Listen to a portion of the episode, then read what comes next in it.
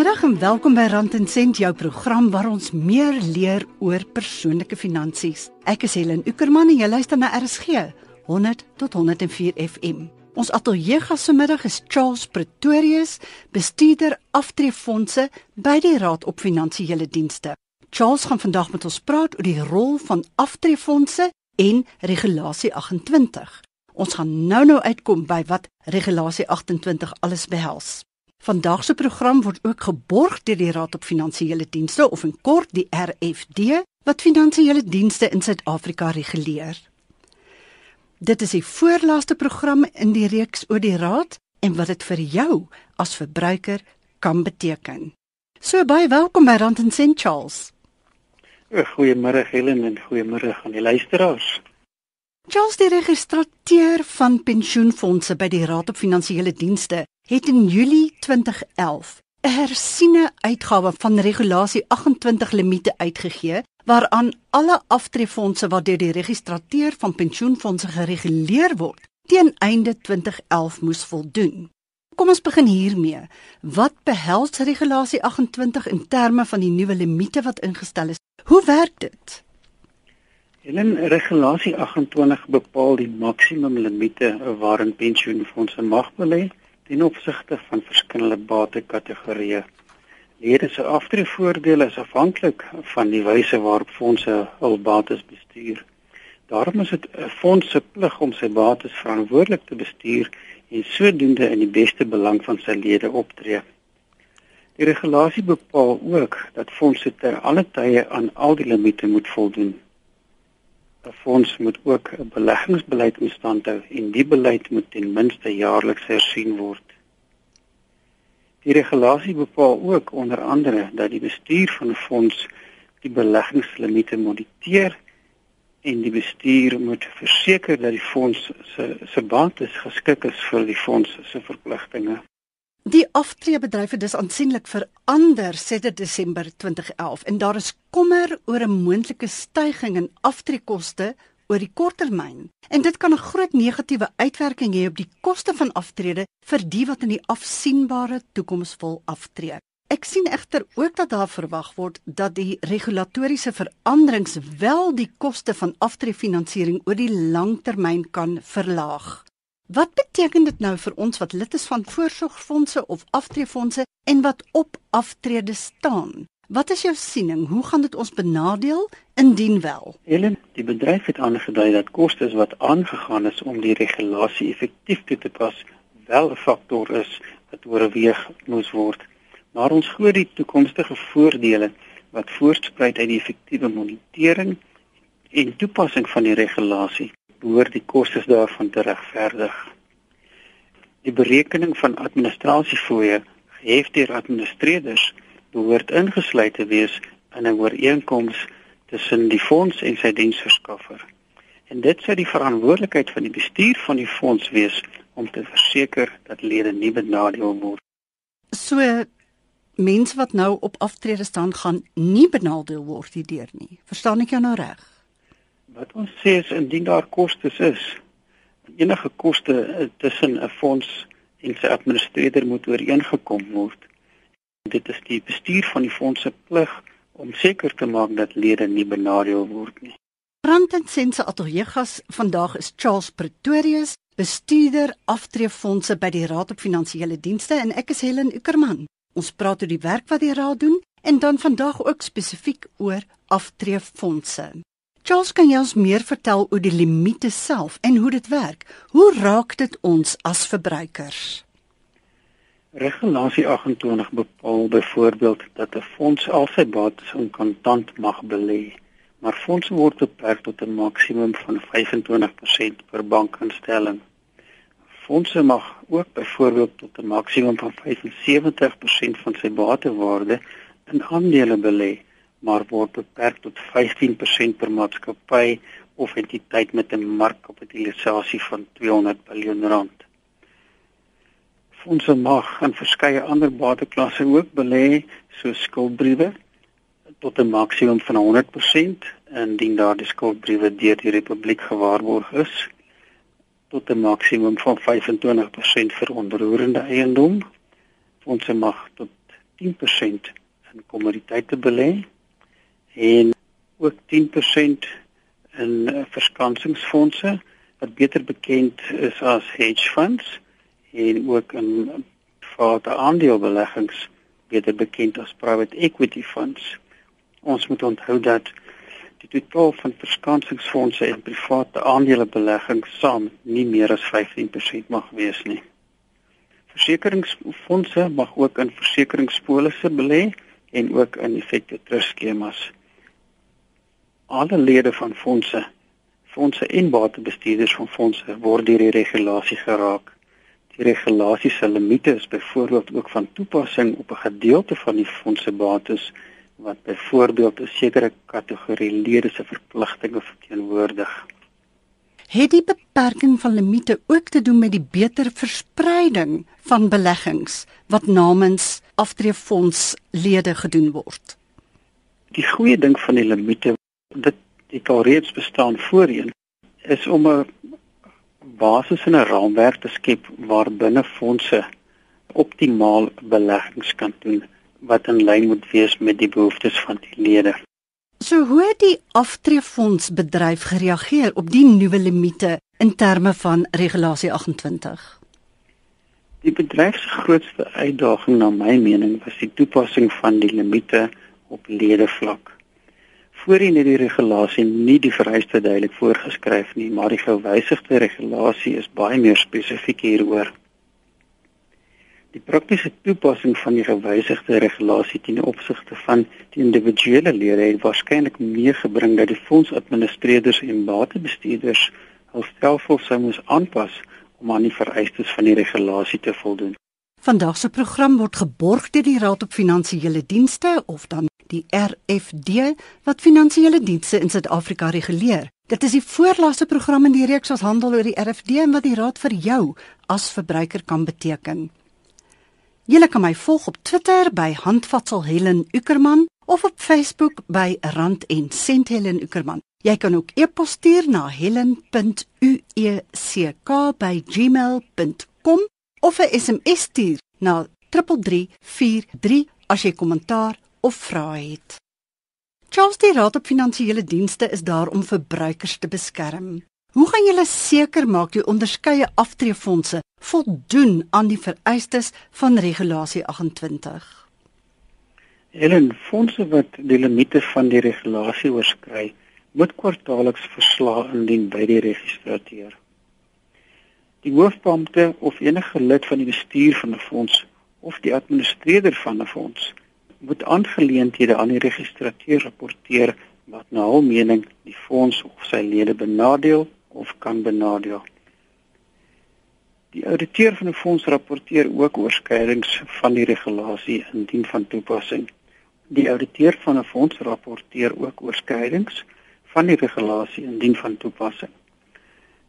Fondse moet jaarliks of finansiële state indien en daarop gerapporteer word deur die ouditeur indien die regulasie oorskry is. Waarna mik die Raad op Finansiële Dienste met hierdie spesifieke stuk wetgewing. Wat is die doel daarvan?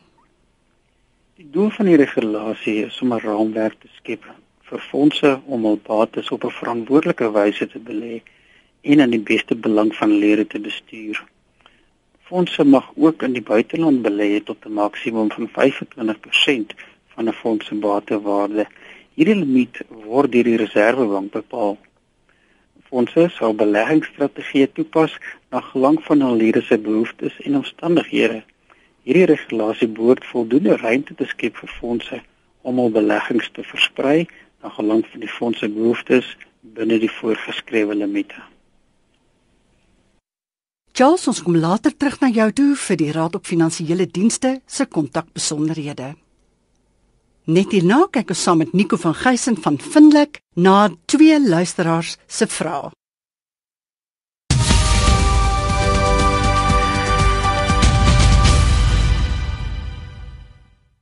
Twee rand en sent luisteraars het navraag gedoen oor hulle pensioengeld. Christine Taylor van Table View in Kaapstad het laat weet sy is nie tevrede met die uitbetaling wat sy van haar voorsorgfonds ontvang het nie. Sy skryf: "Ek het jou hulp nodig met my voorsorgfonds wat Junie uitbetaal het wat by Liberty Life was. Ek was baie ongelukkig met my voorsorgfonds wat na my aftrede op 65 na belasting slegs R835.916.11 uitbetaal het na 19 jaar se diens. Ek voel net dat my geld nie reg belê was nie en so ook die personeel by my werk. Ons voorsorgfonds was deur 'n makelaar by Liberty Life belê. Ek het my ontevredenheid by die pensioenfondsberegter aangemeld wat na verskeie kere se korrespondensie vir my gesê het om die Raad op Finansiële Dienste te kontak. Wat weer vir my gesê het hulle kan my nie help nie. Ek sal 'n saak moet maak. Ek kan nie 'n prokureur bekostig nie en wil graag weet of jy my behulpsaam kan wees en wie my kan help met my ontevredenheid oor my voorsorgfonds se uitbetaling. Nou ja, Christine, die Raad op Finansiële Dienste sê die saak val nou buite hulle jurisdiksie en ek het vir Nico van Geysen, direkteur van die Finansiële Dienste Maatskappy Finlek, ook daar in Kaapstad, gevra om te help. Middag Nico. Middag Helen. Nico, 'n swak opbrengs is natuurlik 'n baie moeilike saak om te bewys dat daar nou iets verkeerd geloop het. Kom ons kyk meer in diepte na Christine se probleem. Hoe werk 'n voorsorgfonds? Ja, ek dink dit is goed dat ons maar van die begin af kyk hierna. Ehm um, daar's enkele belangrike punte net uh, oor 'n voorsorgfonds wil uitlig. 'n Voorsorgfonds word net soos wat 'n pensioenfonds gereël deur die pensioenfondswet. Dis nou wet 24 van 1956. Belangrik is daar moet 'n werkgewer-werknemer verhouding wees vir lidmaatskap En die ander punt is lidmaatskap is gewoonlik verpligtend vir al die werknemers van daardie betrokke werkgewer. Lede en werkgewers dra tot die fonds by en bydrae van lede is gewoonlik nie belasting aftrekbaar nie. Toevallig um, kan ek net noem dat dit nou sal verander van Maart volgende jaar af. En by aftrede is die volle kontantwaarde van die voorsorgfonds vir die lid beskikbaar om vir hom of haarself 'n pensioen mee aan te koop. So die rolspelers 'n voorsorgfonds is die werkgewer soos ek genoem het, die werknemer, dan staan 'n beleggingsadministrateur, byvoorbeeld die versekeraar en dan die makelaar. So wat doen die administrateur en hoe word sy rol gereël? Ja, Helen, volgens die riglyne van die Finansiële Dienste Raad, ehm um, die FDR is nou wel afkort of in Engels FSB, is die funksie van die administrateur om die geld te ontvang vir belegging dan die geld te belê om die maksimum opbrengs te verkry met 'n agneming van beleggingsrisiko's, die behoorlike bestuur van die bates, die formulering van 'n beleggingsstrategie vir die fonds en om terug te rapporteer oor alle transaksies.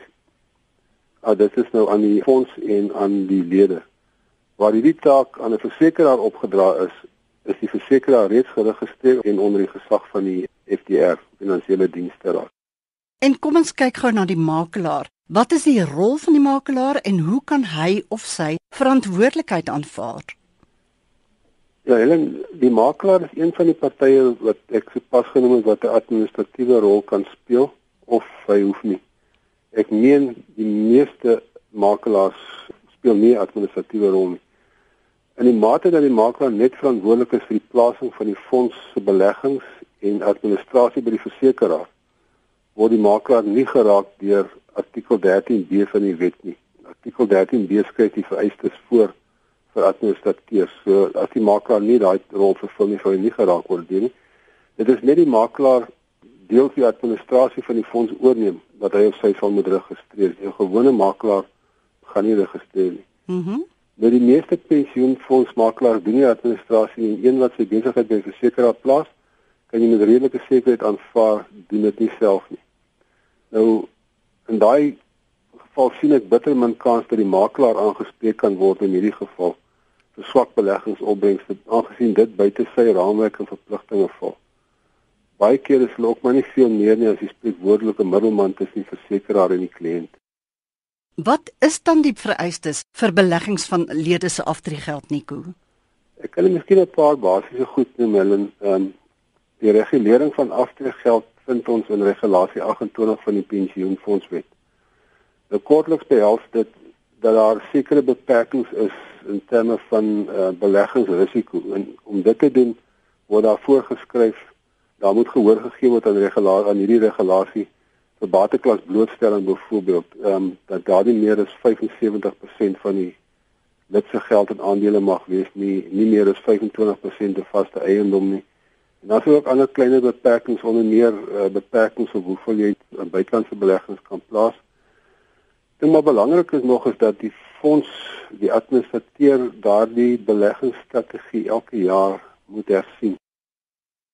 Nou goed, nou het ons 'n breër prentjie. En ons weet Christine is ongelukkig oor haar opbrengs. Wat kan sy maak? OK. Kom ons kyk eers na die versekeraar.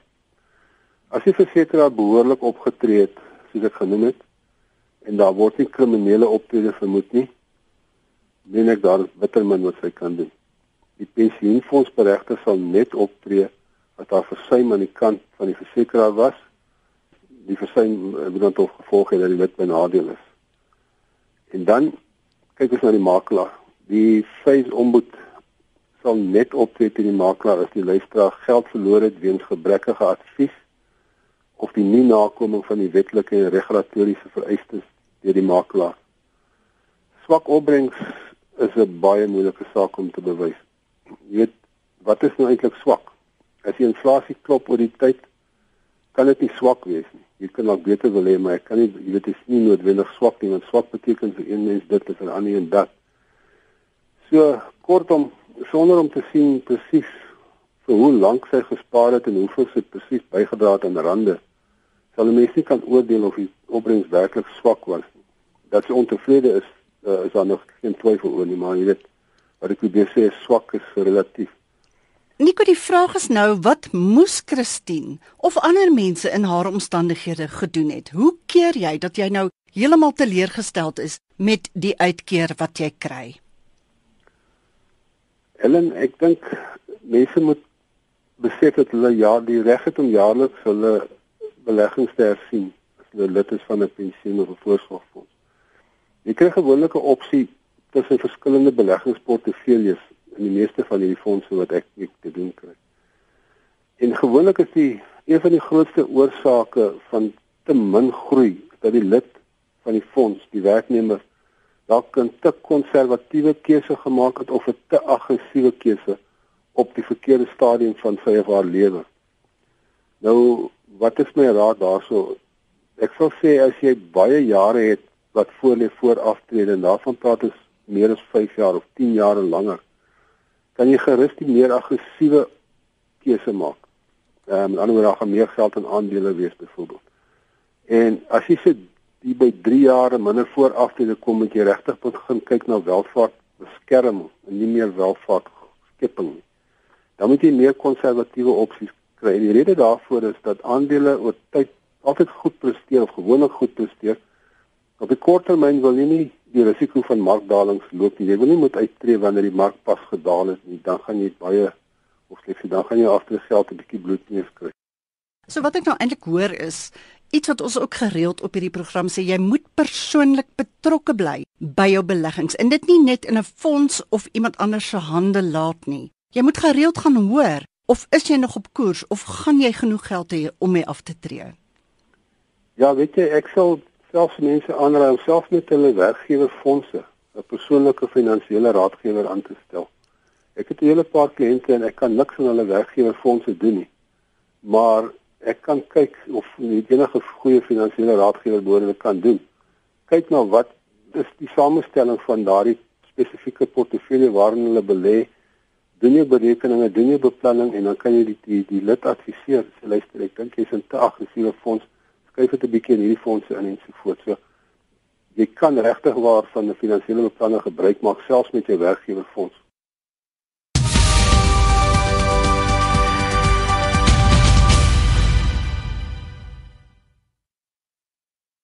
Jy is by Rand en Sent op RSG 100 tot 104 FM met Helen. Ons het vroeër in die program gepraat met Charles Pretorius, bestuurder aftreefondse by die Raad op Finansiële Dienste en op die oomblik praat ons met Nico van Geysen wat raad gee vir luisteraars wat vrae ingestuur het. Wat ook verband hou met aftreefondse en regulasie 28.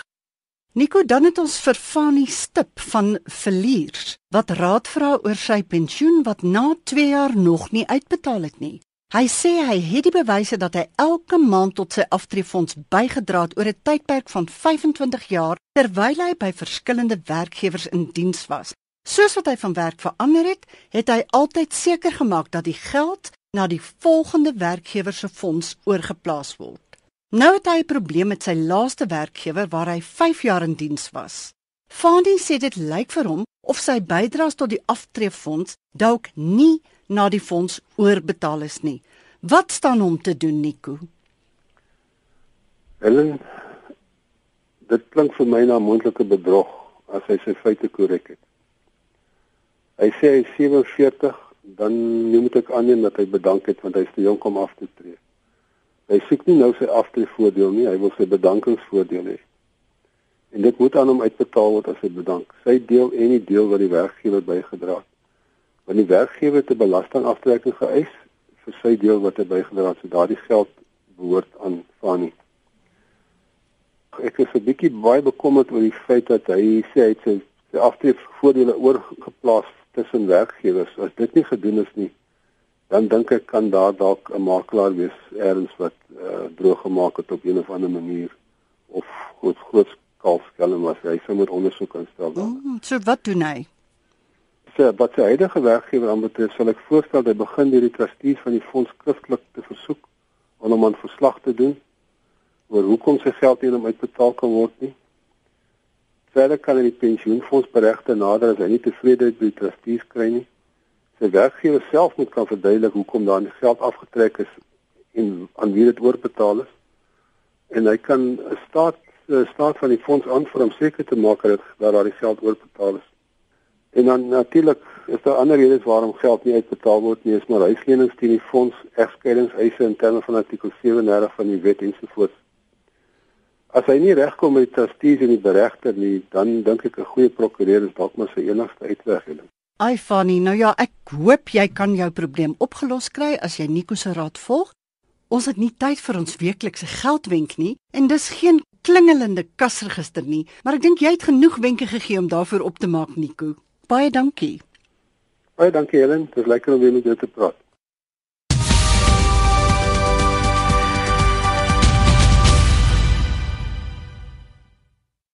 Ons praat nou verder met Charles Pretorius van die Raad op Finansiële Dienste en hy gaan vir ons die kontaknommers gee.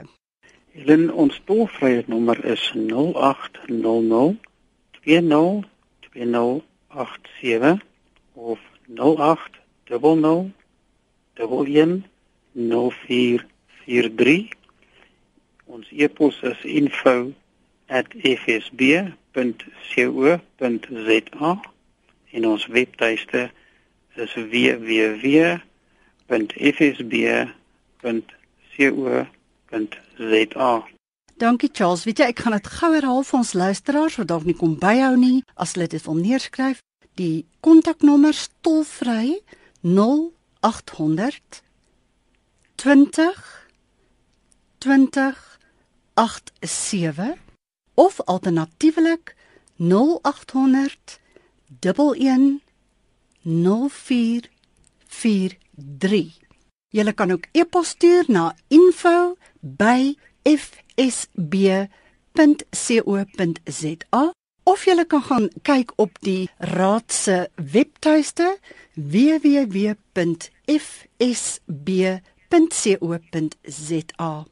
Charles baie dankie dat jy saam met ons gekuier het in die Rand en Sent Ateljee. Helen baie dankie vir die geleentheid. Nou ja, vandag se program was geborg deur die Raad op Finansiële Dienste of in kort die RFD wat finansiële dienste in Suid-Afrika reguleer. Jy kan hierdie program in MP3 formaat van RSG se webwerf aflaai by rsg.co.za. Bo aan die webblad is daar so 'n geel strook en daar sal jy sien potgoeie. Klik daar, soek rand en sent en die hele lys programme sal op die skerm verskyn met die laaste program heel bo aan. Randensense ateljee gaste vandag was Charles Pretorius, bestuurder aftreefondse by die Raad op Finansiële Dienste en Nico van Geysen, direkteur van die Finansiële Dienste Maatskappy Findek. Dis tyd om te groet. Ons praat weer volgende Sondag om 12:30. Ek is Helen Ukerman. Geniet die res van die middag.